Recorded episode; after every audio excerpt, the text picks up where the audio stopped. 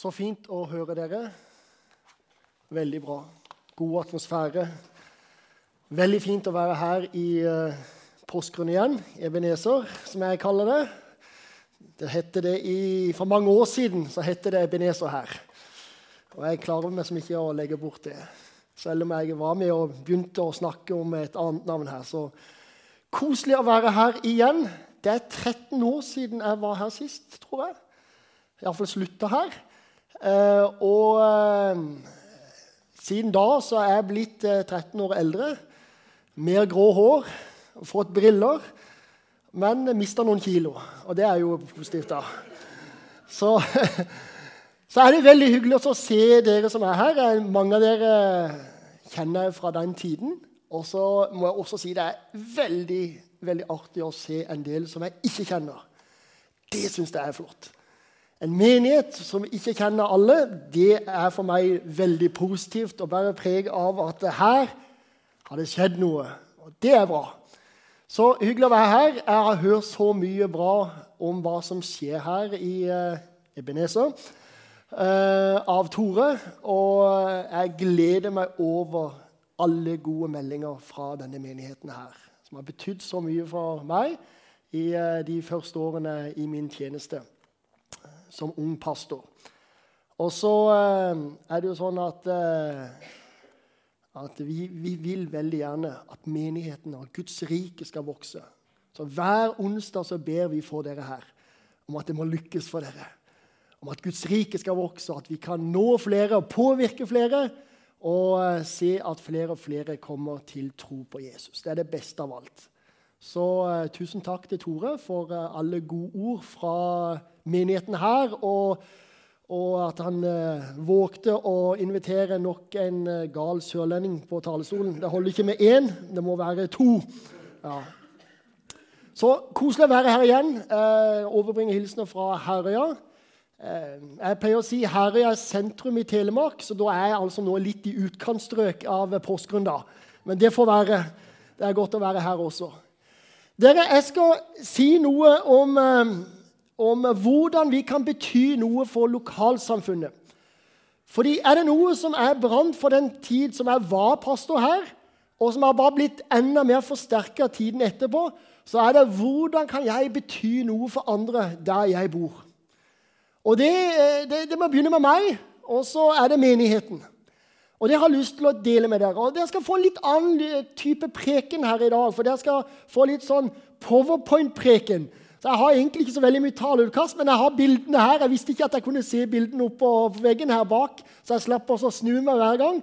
Men i alle fall så har jeg tenkt å vise for deg Noen ganger så er det sånn at det visuelle det sitter mer. Når man får se, og man kan notere og eventuelt ta bilde og ha videre å tenke på.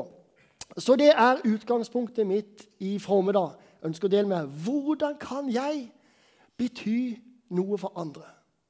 Hvordan kan jeg bety noe mer for andre? Det skal jeg si noe om. Kjære far, jeg ber om at du skal eh, fortsatt velsigne det som skjer i denne, dette møtet. Og nå når jeg deler ditt ord og de tanker som eh, brenner og ligger i meg, og som er inspirert av deg, det tror jeg på, så ber jeg at Jesus at jeg skal gå fra hjerte til hjerte og skape en lengsel etter mer av deg, til å bety noe mer for andre. Og ikke skape fordømmelse og ikke skape fortvilelse, men jeg skal skape en lyst og en lengsel, så det er med å føre oss nærmere deg, så vi kan bli påvirket av deg til nettopp å leve ut i livet som du har gitt oss, på en god måte der vi bor, der vi er. Jeg ber om det i Jesu navn. Amen. Dere, dette er eh, Nå forsvant det med en gang. Vi, Der kom det. Dette er det vi møter i samfunnet i dag. Vi møter bilde etter bilde i avisene hvor det harseleres med kristne. Hvor det er vanskelig og vanskelig for oss kristne å stå frem. Fordi om det gjelder homofilisaken, om det gjelder abort, om det gjelder andre ting, så blir vi som kristne ofte stigmatisert, og vi blir plassert, og vi føler oss mindre og mindre, og det er vanskeligere og vanskeligere å stå frem og si hva jeg tror på i enkelte saker. Fordi samfunnet vil være med å fordømme og trykke oss ned på det. Jeg vet ikke åssen du er, men eh, er du like fremodig til å stå frem der du er, og si hva du mener, hva du tror i enhver sak? Jeg tror at vi er litt mer forsiktige, for vi er redde nettopp fordi å bli dømt og bli hånet og bli trykka ned og få på pukkelen. Det er med som noe av virkeligheten vår i dag. Men så er det sånn at Jesus han sier at nettopp i denne kulturen som vi lever i, nettopp sånn som vi er i dag, der har han satt oss til å være lys og til å være salt. Ikke noe vi skal bli, men noe som vi er. Vi er verdens eh, lys, og vi er jordens salt. Og hvorfor skal vi være salt? Fordi saltet gjør tre ting. Det setter smak på maten, det krydrer, det forbedrer smaken, og det bevarer maten. Eh, mat uten salt, det er tamt. Og Det er de tre tingene Gud vil at du skal gjøre med livet i denne kulturen. Han vil at du skal gi verden en annen smak. Han vil at vi skal forbedre verden. Han vil at vi skal bevare den og holde den fra forråtnelse. Han ønsker ikke at verden omkring oss skal ødelegges. Men Gud vil at vi skal bruke vår innflytelse, det du har fått, til å være med og kjempe for det gode og gjøre det gode der vi bor. Og så er vi lys. Og I teksten så sammenligner Jesus oss kristne med en by som ligger på et fjell, altså noe som vil være godt synlig for alle.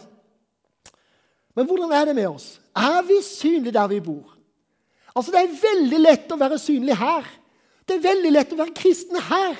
Men åssen er det å være kristen der ute? Åssen er det å være lys utenfor lokalet vårt? Og så sier du kanskje er det ikke å være kristen en privatsak?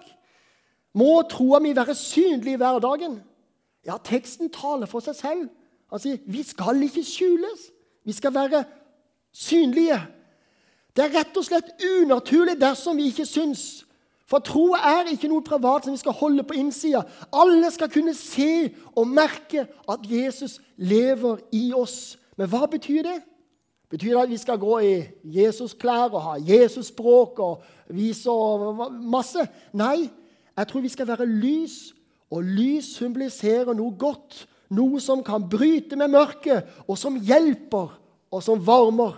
Og i en verden full av mørke skal vi få lov til å komme med håp og med varme. Og Det gjør vi ved å leve ut Jesu hjertelag, ved å leve et liv som ligner på Jesu sitt eget liv. Tør vi som verdens lys å leve ut et liv hvor vi viser Jesu kjærlighet og hjertelag til dagens mennesker? Da vi er avhengige av å leve tett inntil Jesus hver dag. Vi er, vi er jordens salt. Vi er verdens lys. Vi er det. Vi kan ikke bli det. Vi er det, folkens. Og verden må se det.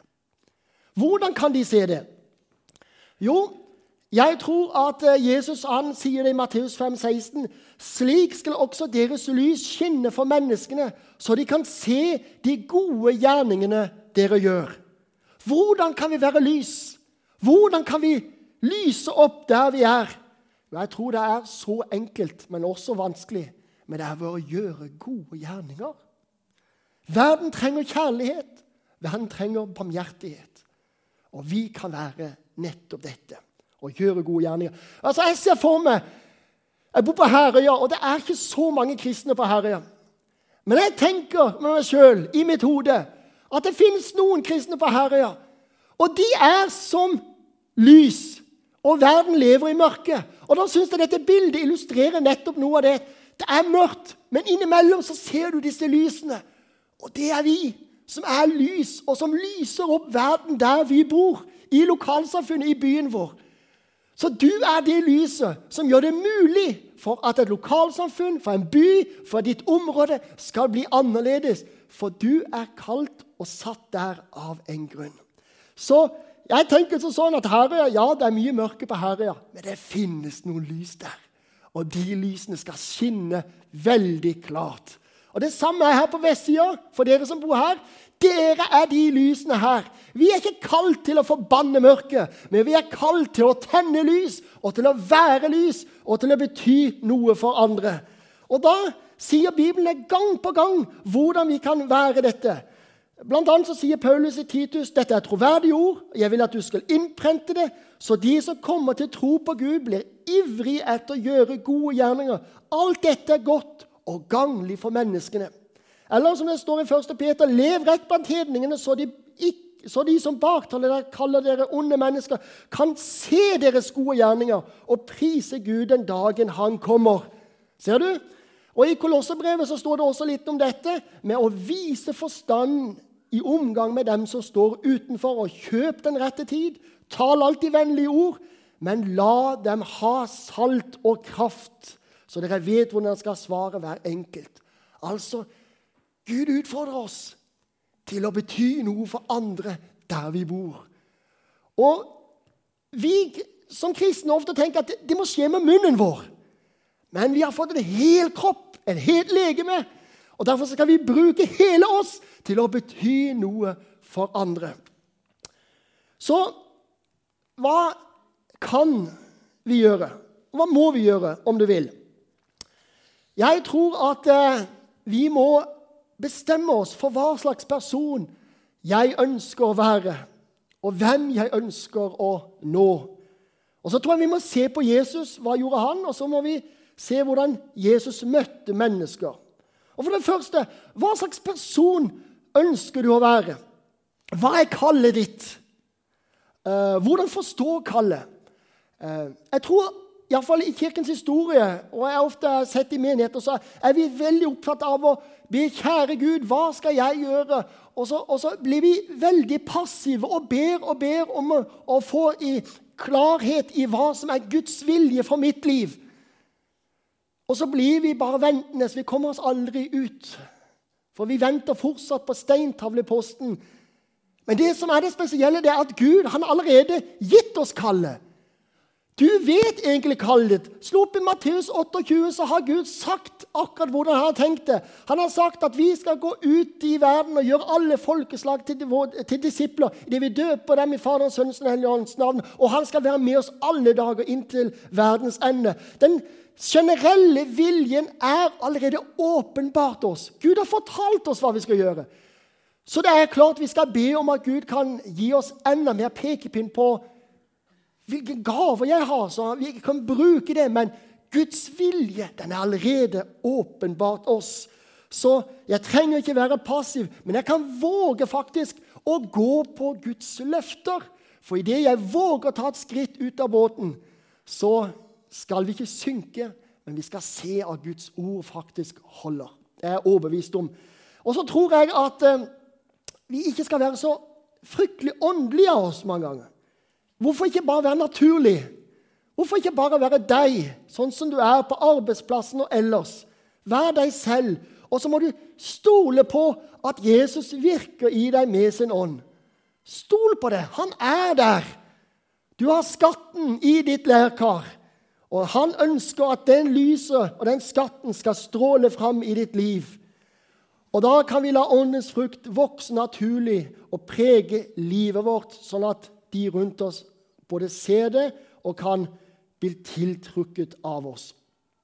Det er én ting som jeg har jobba mye med eh, på Herøya eh, i mitt eget liv, og det er hvordan vi omtaler andre mennesker. Vi er så lett for å gi hverandre etiketter. Jeg tenker som sånn eh, Ethvert menneske som jeg møter, eller som jeg treffer i kirka, de definerer jeg som kristne. Jeg tenker på dem som kristne. Og så vet jeg at det er ikke sant. Men jeg gjør det likevel. Fordi da skjer det noe med min holdning i forhold til det mennesket. For hvis det tilfeldig skulle komme. Sånn var det litt satt på spissen før. da. Og jeg litt på spissen. Men kom det en synder inn i vår kirke, så skulle han jammen høre evangeliet om å ta imot Jesus i dag. For du vet aldri hva som skjer hvis du går ut av bygget og blir påkjørt og drept. og hvor du havner da hen. Derfor er det viktig at de, de stakkars mennesker får høre alt med en gang og stå på valg med en gang. Vet du hva? Vi overfalt mennesker, og vi drev de nesten bort for oss. Fordi de ble et objekt for frelse. Var ikke, vi var ikke opptatt av personen, hvordan personen hadde det, hvem vedkommende var. Det var de må bli frelst. Jeg tenker at Hvis vi definerer mennesket innenfor, så er vi opptatt av hele mennesker. Og det er ofte veien inn til hjertet deres. Og Det er ofte der, i det møtet, at vi ser at mennesker faktisk søker inn til Jesus og inn nærmere oss fordi det er noe vi har som ikke de har. Men vi definerer de ikke utenfor. Det kan de gjøre sjøl. Vi prøver å dra de inn innenfor. Og Det er en måte som vi kan bestemme oss for hvordan vi ønsker å være. Og så må vi se på Jesus. Hva gjorde han? Det står at han vandret omkring eh, i byene og landsbyen. Jesus var hele tida på farten, selv om han hadde eh, Genesaretsjøen og Kapernaum som sitt utgangspunkt. Så var han hele tida på farten for å møte mennesker der de bodde. Og der vandret Jesus altså omkring i hele Galilea og ned til Jerusalem. Han gikk overalt. Og jeg tenker noen ganger kanskje vi skal lære av Jesus å våge oss litt ut av vår komfortsone. Og gå ut. Og så kan vi våge å invitere inn til fellesskapet. Det tror jeg. For det står at Jesus han gikk omkring overalt, og han gjorde vel. står det. Så hvordan møtte Jesus mennesker? Det står at Jesus han løftet frem de undertrykte og de utstøtte. Han hevet statusen til, til uh, kvinner og barn. Han viste inderlig omsorg for dem som var kommet uheldig ut i livet. Og han tilga syndere og mettet sultne, helbredet syke. Jesus var opptatt av hva han kunne gi, og ikke hva han skulle få. Så bestem deg hva slags person du ønsker å være. Jeg ønsker Jesus å være lys og salt for deg. Hjelp meg, så jeg kan leve ut ditt generelle kall til alle kristne om å våge å gå ut av min komfortsone og invitere inn. Ok, det var litt av teologien, litt av det som ligger bak. Eh, hvordan vi kan bety noe for andre. Så jeg har lyst til å hvordan, hvordan, hvordan blir dette i praksis, da? Hvordan kan vi gjøre dette på en enkel måte, da? Og Da har jeg lyst til å gi deg fem punkter. Eh, og hver punkt er litt grann høyere nivå på uh, hva du må gi av deg selv. Det begynner veldig enkelt, som alle kan. Også alle kan gjøre alle fem punktene uten tvil. Men det koster litt mer for hver punkt av det jeg ønsker å si til deg. Så hvordan kan du påvirke andre? Og Jeg skal begynne så enkelt og så jordnært som å si at ved å smile til folk så påvirker du folk. Visste du det? Smile, det kan alle gjøre. Og smilet det er det uttrykk som har sterkest betydning for oss. Mor Teresa hun sa I will never understand all the good that a simple smile can accomplish. Altså, Han vil aldri forstå hvordan et enkelt, lite smil hva det faktisk kan oppnå. Utrolig. Smilet det preger hele kroppen. Man kan se faktisk en person smile på 90 meters avstand. Bare det å se folk som smiler, det gjør noe med oss. Ja? Når en fremmed smiler til oss, så får vi følelsen at vi kjenner vedkommende. Jeg har eh, noen ganger sagt eh, for mange år tilbake så, så, så eh, var, var, jeg med i et ungdomskor. Og så, og så, var det sånn at eh, vi sang engelsk. Det var ikke populært i de tider. De skulle synge kun norsk. Og så uh, var det vel også en rapp inn i den ene sangen. Så det var noen eldre som ikke likte dette her da, i kirka. Så, og da var det ei dame som viser det veldig tydelig. Hun sto helt bakerst når vi sto oppe og sang. Sto helt bakerst. Og så tok hun det sureste uttrykket hun kunne vinne. Og så holdt hun fingrene i ørene opp mot koret på selve møtet. Og Det er klart at noe, eh, det så ut som hun spiste på sitroner. Eh, og det var, det var ikke inspirerende for de som sto her og skulle synge. Når de så hun som sto der og bare demonstrerte at dette likte ikke hun. Men så var det ei dame som satt omtrent på venstre side, fire-fem benkerader ned. Hun satt der, og så gammel dame. Hun folda hendene sånn over fanget sånn. Og så så på oss med pinsedult og briller, for dere som kjenner oss. Så kikka hun opp, og så smilte hun fra øre til øre til oss når vi sang. Og, og, og, Det var helt fantastisk å se på henne istedenfor hun som satt bak der. Og da, da husker jeg at når koret var ferdig med å synge, og vi skulle gå ned, så var det sånn at alle ungdommen som gikk forbi henne, de måtte liksom bort og ta på henne. For de følte seg oppmuntra. Og så snakket jeg med hun dama etterpå, og så sier jeg skjønner ikke hva dere synger, for jeg kan ikke engelsk. Men, men jeg hører dere synge om Jesus. Og så kjenner jeg min ånd at dere synger om han. Og da blir jeg så glad, sier hun. For det er rart at ungdommen ble glad når de så på henne, istedenfor hun som, som holdt på å spise sitroner der bak. Smilet det forlenger levetiden, og det gjør deg glad. Du får det bedre. Og Derfor skal vi bruke smilet og få det er mye bedre. Og Hvorfor tar jeg det fram? Jo, for det er noe vi alle kan. Og, og eh, Salomo han sier lysende øyne skaper glade sinn. Godt budskap gir marg i ben. Gjør godt mot dem som trenger det, og nekt ikke å hjelpe om det står i din makt. Alle kan trenge et smil alle. Og smil gjør noe. Det kan redde dagen din. Du vet ikke hva mottakeren, hvilket humør vedkommende er i. Men når du, du, smiler til vedkommende, så ender det som regel opp med at de smiler tilbake. Og hva skjer når du smiler til noen? Du har fått innflytelse over en annen menneskes liv. Du har påvirket det.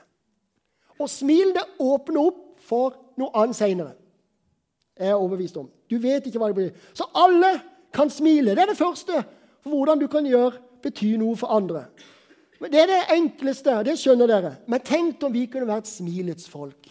Tenk om Guds forsamling var full av smil. Tenk om det var sånn at vi kom inn her på søndag formiddag med en uke bak oss hvor det var tøft og kanskje vanskelige ting vi fikk oppleve. og Vi var kanskje litt triste sinns når vi kom inn, men når vi gikk ut herfra, så var det smilet som var på alles lepper. Det fortelles en historie fra London. Jeg, hørte han som fortalte det, at uh, han var ikke kristen, og han kjørte kona til møte. Og han, uh, han satt i bilen ute på parkeringsplassen og venta til kona var ferdig med møtet. Og Det gjorde han hver søndag. Men så begynte han etter hvert å studere de som gikk på kirka. Og så fant han ut at det er et eller annet, fordi han så humøret på det når de gikk inn, og så så han humøret på når de gikk ut. Og når de kom ut, så virka alle mye gladere. Og så tenkte jeg meg sjøl Åssen er det med kona mi? Jo, det stemmer jo faktisk på kona mi også. Hun kom inn, men kommer alltid ut forfrisket, fornyet og gladere til sinns. Det gjorde så mye med han at en dag så bestemte seg jeg vil inn og se hva som skjer inne i den kirka. Siden folk kommer gladere ut. Han gikk inn, han ble møtt, og han ble en kristen. Smilet var starten. Jeg sier det igjen smilet. Det andre det er at vi kan sympatisere med folk. Sympatisere med folk. Eh, Paulus han sier han trøster oss i all vår nød for at vi skal kunne trøste dem som er i nød, med den trøst vi selv får av Gud. Altså, Gud han trøster oss. Takk og lov og pris for å ha en Gud som trøster meg uansett hva jeg opplever. Men det er et for for at vi skal kunne trøste andre med en trøst vi selv har fått.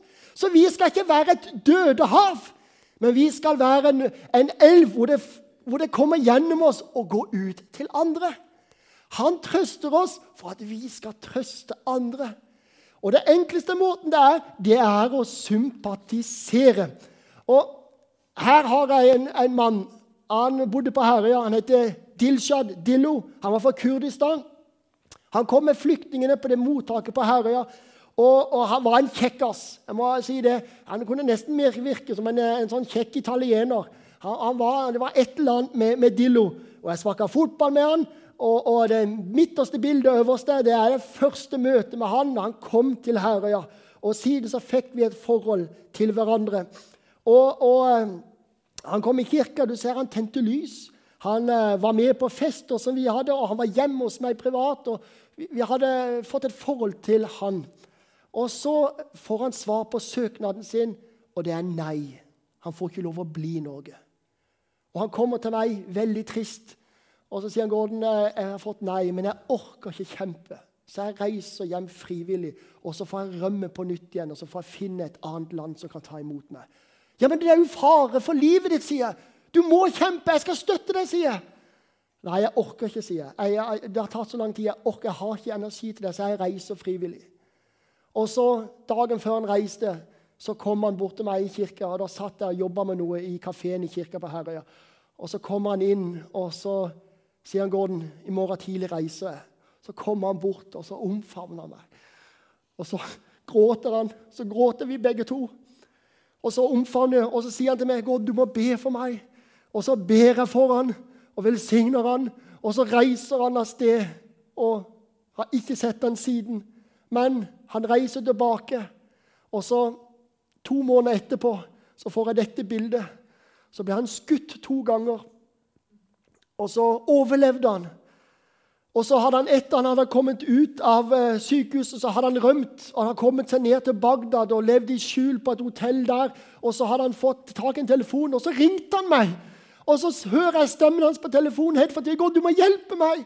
Jeg må rømme videre, ellers så tar de meg på nytt igjen.' Og så sier jeg bare, 'Kjære Gud, åssen kan jeg gjøre? Hva, hva kan jeg gjøre for han?' Så jeg tenker Dillo, hvis du skaffer meg et papir på at du har vært innlagt på sykehuset, og en, et eller annet fra politiet, så skal jeg gå rett ut i, og så skal jeg kjempe alt for å få det tilbake igjen. Og så hører jeg ikke mer fra Dillo. Men han lever. Han har fått rømt ut av landet og lever nå i skjul et eller annet sted i Tyrkia, tror jeg. Men jeg sier det sympatisere. Det er ikke så vanskelig når vi ser nøden. Når vi opplever historiene, hvor tøft det enn er, da kan vi iallfall gripes av det og vise at vi bryr oss. Det gjør noe med andre. Vi får bety noe for andre. Her i forrige uke så ringte det en telefon til oss. Jeg tror det var forrige uke, forrige fredag. Um, lørdag, var det vel. Og Da var det en eh, flyktning som hadde fått opphold i Norge, som bor i Nittedal utenfor Oslo. Og Da var han på besøk i påsken, så ringte han til meg og Bola. Gordon, jeg må treffe dere. Så kom vi opp til en annen flyktning, eh, og så var vi der og hilste på dem. Og det gikk på arabisk, og, det, og han er så begeistra. Omfavner oss. Gammel mann. Han hadde fått kone og barn eh, til, til, Norge etterpå. Og han er så begeistra for oss. Og jeg tenker på, Hvorfor er du så begeistra for oss? Jo, for vi viste han godhet, varme, kjærlighet. Og han glemmer det aldri! Og Derfor så ringer han oss rett som det er, for å høre og fortelle hvor flink han er blitt i norsk, og hvordan det går med han. Vi kan sympatisere med folk. Litt mer enn bare smile, for vi må bry oss. Men når det kommer fra hjertet, så gjør det noe med hjertene vi berører. Det tredje det er ved å tjene mennesker. Ved å tjene mennesker. Og Paulus han sier det at eh, 'jeg er fri og ingen underlagt', men 'jeg har gjort meg til alles tjener for å vinne så mange som mulig', sier han. Altså, Hva er viktig for oss?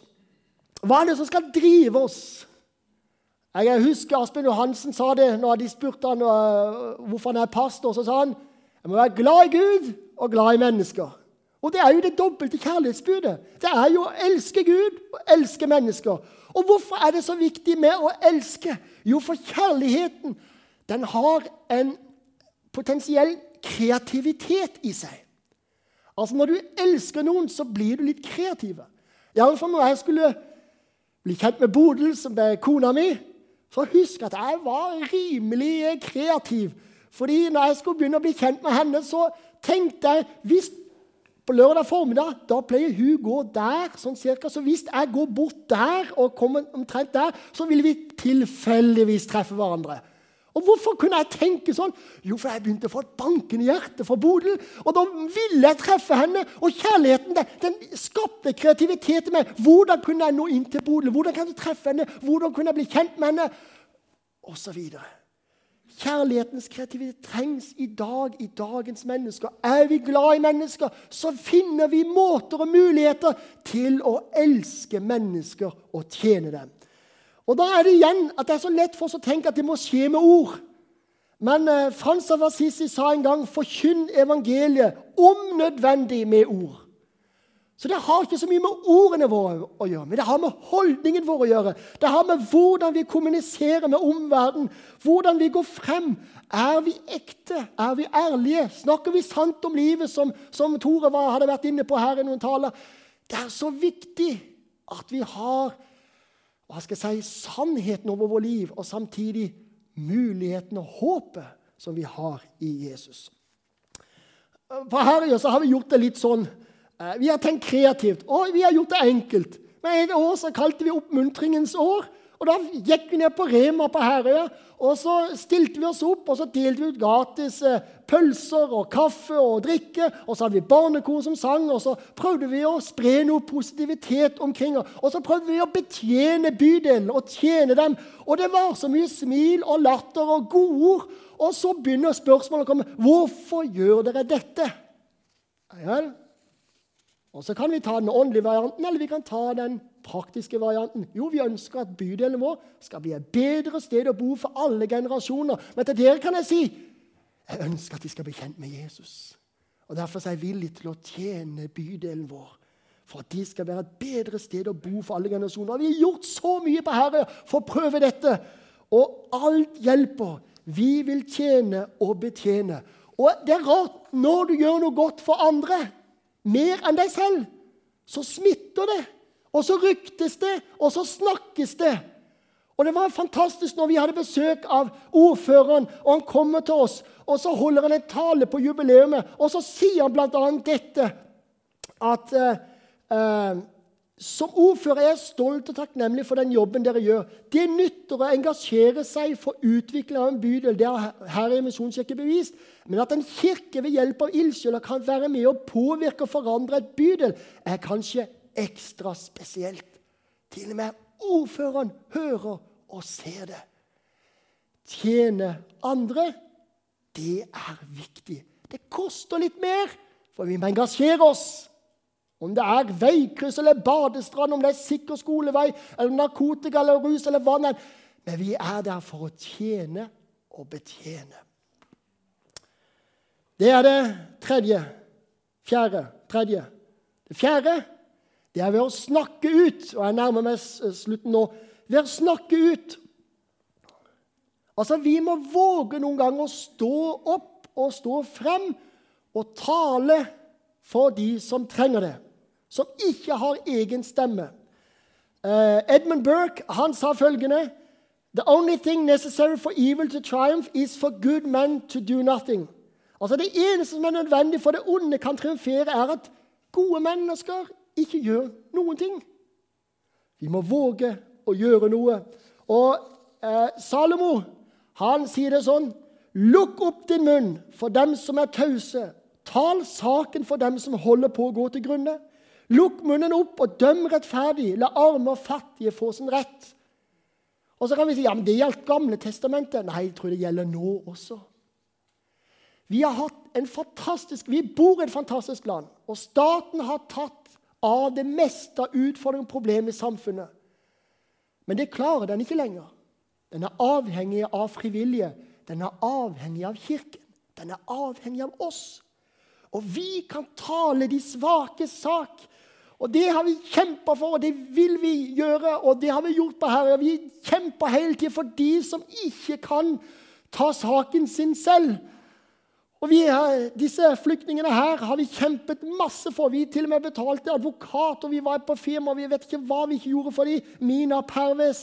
Her har de akkurat oppe til venstre fått beskjed om at de får ikke bli i Norge. De har fått sitt andre nei om å reise ut. Der ser du på det. De, de er, det var som et lys ble slukket i deres øyne. Alt var håpløst. De hadde rømt fra Afghanistan. De hadde en jente på tre-fire år. Og Når de gikk over grensa, så måtte de dope henne ned for at ikke hun skulle røpe dem. De gikk gjennom land etter land for å komme seg bort fra den byen de var. Den byen de var, som du ser i det andre bildet, der ser du bilen til Pervis, som ble bombet av talibanere fordi han var en politiangiver. Så han anga hvor Taliban var, og derfor så var de ute etter å ta livet hans. De heiv granater inn i huset. De var masse. Så de måtte rømme på natta en gang. Bare kun en bag. Og så kommer de til Norge. Og så Og så er de fulle av håp, fred, frihet. Og så får de stang ut to ganger. Og fortvilelsen er enorm. Og vi kjempet og kjempet for de og for andre. Og jeg sier det igjen, vi må tale for de svake. Vi må tale for de som ikke har stemme. Det pålegger evangeliet oss og Jesu ord at vi er noe for dem. At vi kan bety noe for dem. Og Vi har jobba så mye med flyktninger, og jeg vet hva det har betydd for dem. Og vi må fortsette å tale ut og snakke ut og tale flyktningenes sak. Vi må også tale ut de svake sak i samfunnet vårt. Eh, det fins mange her i Porsgrunn som strever.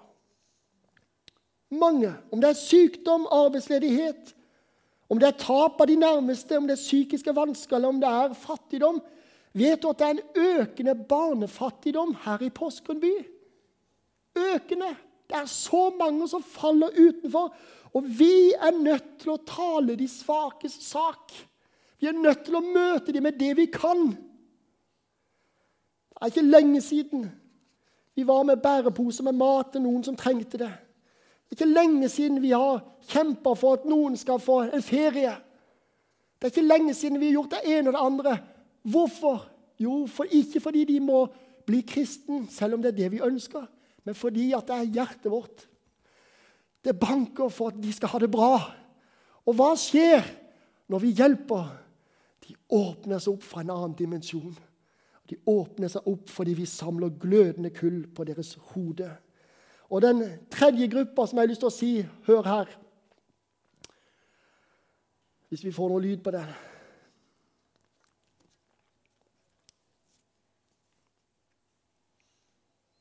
Hvis ikke de får det til, så får de ikke til. Nei. Men det var et eh, program på eh, TV3 som heter Etterlyst.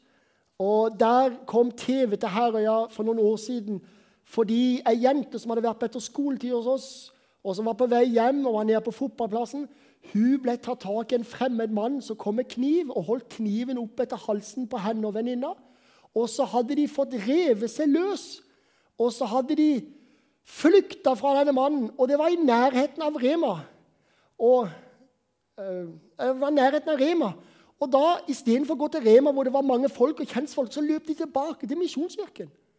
Og Der sto, var Bodil og meg, vi holdt på å gjøre rent.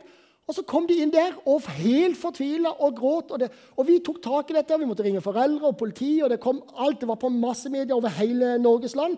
Og så kom det på et eget program på Etterlyst etter denne mannen som hadde gjort det. Og så tenkte jeg disse jentene følte seg trua i livet deres. Hva, hvor var den enkleste stedet for de å gå til? Det var til Misjonskirken. De løp tilbake til kirken. Nei, åndelig gjør det litt. De løp tilbake til kirken. De løp tilbake til oss. Der var det trygt. Der var det godt å være. De søkte til kirken. Og jeg tenker, det er det vi ønsker å bli kjent for. At det er det stedet hvor folk har kommet til. For her er det trygt, her får de hjelp, her får de oppleve at det er noen som kjemper for dem. Og det har jeg på en måte vært litt opptatt i disse årene på Herøya. Tenk på etter skoletid på Herøya nå, så har vi hatt over 30 000 barn innom på etter skoletid. Over 30 000 barn. Over 200 konfirmanter har vi hatt disse siste årene. Og vi samler ca. 250-300 barn og unge hver uke som kommer til Misjonskirken. Og hva, hva, skjer da? Jo, vi kan tale barnas og de unges sak. Ok. Eh, jeg skal gå fort eh, gjennom det siste punktet. Men vi kan tale de eldres sak. For her er også, De eldre må flytte ut. De er fortvila. De må flytte til en annen bydel. For de kan ikke avslutte sitt liv på Herøya som de ønsker. Og Jeg skjønner at det er vanskelig for dere å forstå det når ikke dere bor på Herøya. Men bor du på Herøya, så vil du gjerne nesten dø på Herøya. Det Herøya er fantastisk. Det er bare sånn det Men de kan jo ikke det. Fordi man flytter til andre bydeler. Vi flytter til Stridsklev. Og de må flytte til ene. Og dermed så tenkte vi vi må kjempe for de eldre på Herøya. Og så fikk vi kontakt med mange billionæren, skulle jeg si, milliardæren Arthur Buchardt. Og så fikk vi kjempa for dette med eldreboliger. Nå kommer det opp i arealplanen nå i neste måned. Så, eller nå snart så kommer det opp denne saken med de eldre. Og så har Jan Hoven Bølle og meg så har vi fått lov til å ha vært de fremste har stått i spissen for at de eldre fortjener et sted å være. Men de trengte noen til å snakke for dem. Det kunne vi. Og hva skjer da? Jo, de snakker om pastoren. Og så prøver jeg å tone ned det pastorgreia, fordi det er jo daglig leder ved Nærmiljøsenter. Men det er jo pastoren de snakker om. Og så får lov til å være med og bety noe for dem. Ok, Siste punkt for avslutningen. Det siste og kanskje det tøffeste av nivåene det er når vi må ofre noe. Ved å ofre. Og Paulus han sier det slik men glem ikke å gjøre godt og dele med andre, for slike offer er til Guds velbehag. Det koster litt når du skal ofre. Det er litt mer enn det vanlige. Det koster mer tid, det koster mer energi, det koster penger. Men å ofre noe for Guds sak, det gir stor glede. Det kan jeg si dere. Fordi det, det, det er noe som, Du gir så mye av deg sjøl at du kjenner åh, orker dette her? Og så bare sier ja. For du, du ser responsen av det du får lov å være med på. Og Det står i Bibelen at 'den som velsigner andre, blir selv velsignet'. Og jeg tenker meg at Det er noe her. Og Vi som sagt, vi jobber veldig mye med flyktninger. Og Her har vi reist til Paris, og vi har reist der tror jeg, fire ganger. og Jeg har reist ned med tunge kofferter med mat eh, Nei, ikke direkte mat, men med, med utstyr og med dyner og alt det som, som vi har samla inn blant frivillige på Herøya, og med penger, sånn at disse kunne ha noe å leve av. For de er Dubliner, for de som kjenner det, det, til det. Og Da var vi nede her, og da kom vi der, og så spanderte vi mat, og så var vi sammen. Og det var som et stort smil. Og du ser hun nede her, Mina og Thomas, yngste gutten min, du ser det smiler fra øre til øre. Husker du det forrige bildet da lyset var slukt? Nå var lyset på plass igjen. Håpet var på plass, og vi fikk lov å bety noe. Ikke tenkte jeg på at når jeg satt her og spiste ved, ved, eh, ved elva i Paris, så eh, spiste vi kylling som var stekt på en liten bøttegrill. Og det endte jo selvfølgelig med at jeg ble skikkelig dårlig i magen av det. Men eh, hva gjør man ikke når man er sammen med dem og gleder andre og hjelper andre? Det koster litt ekstra, men du verden hvilken betydning det har hatt for disse menneskene ofre. Det kan vi alle, for vi har så mye. Vi har overflod. Det er bare at vi våger å sette ting i bevegelse. Jeg skal avslutte. To dare is to do. Just do it. Det er Tottenham. Å våge er å gjøre. Bare gjør det. I uh, Misjonskirken på Herøya så har vi ikke alt å tavle, men jeg har. Og jeg har en altertavle helt bak i kirka, helt øverst. Så hver gang jeg står på talerstolen, så ser jeg bak, og så ser jeg øverst, så står det 'Just do it'.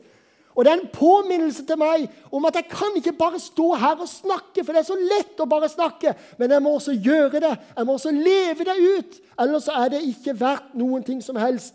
Våger vi, så gjør vi. Det er budskapet. We can do it. Just do it. Og tenk om våre menigheter Tenk om våre menigheter eh, kunne få en omtale som vi var så heldige å få for noen år siden. Tenk på forsida PD 'Et sted å være for alle'. Tenk om de kan si det. At misjonskirke, alle misjonskirker og alle kirker i Grenland det er et sted å være for alle. Der er rom for alle. Det må være noe positivt. Er det ikke det? At her kan folk komme med lave skuldre, for de vet hva som møter dem. De vet at de er elsket for den de er. Og så drømmer vi, og så ønsker vi at de skal få møte Jesus. Dere, Vi skal være jordens salt der vi bor, og i hele verden. Og jeg tenker eh, at det kan vi være med frimodighet, fordi vi er det. Og det er bare å hva skal jeg si, snu litt på bøssa så saltet kommer ut. Og da, da tenker jeg til slutt at våger Porsgrunn misjonskirke å være radikalt inkluderende, minimalt stigmatiserende og maksimalt bekreftende og ubetinget gjestfri. Gjør den det, da tror jeg på stor vekst, ikke bare menigheten, men også i våre liv. Fordi det er noe som kommer innenifra. Så jeg har lyst til å bare si til dere om å være frimodig på at du er faktisk jordens salt, og du er verdens lys. Og Jesus ønsker å bruke deg, så vær frimodig i Jesu navn. Amen. Jesus, jeg har bare lyst til å velsigne hver enkelt som er til stede her i formiddag. Jeg har bare lyst til å takke deg, Jesus, for at det er dine barn som du elsker høyt, og som du ønsker, Jesus, skal leve ut det de har fått høre gang på gang, år etter år.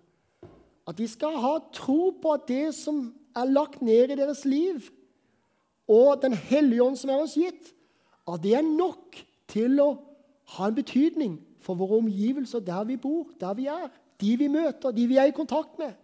Hjelp oss til å gå frem på en vis måte, samtidig være klar over at du kan bruke oss til å bety noe for andre.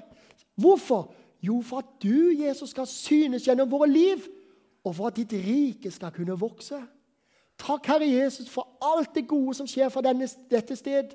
Jeg ber deg, Jesus, om en ny tid også på vestsida, hvor mennesker søker deg også til dette sted, fordi dette stedet er et godt sted å være for alle. Jesus, hjelp oss, så uh, all Guds menighet her i Grenland og her i Porsgrunn, at vi må være de lys rundt forbi som virkelig er med å lyse opp omgivelsene og gjøre det mulig for mennesker å søke deg. La det skje i Jesu navn. Amen.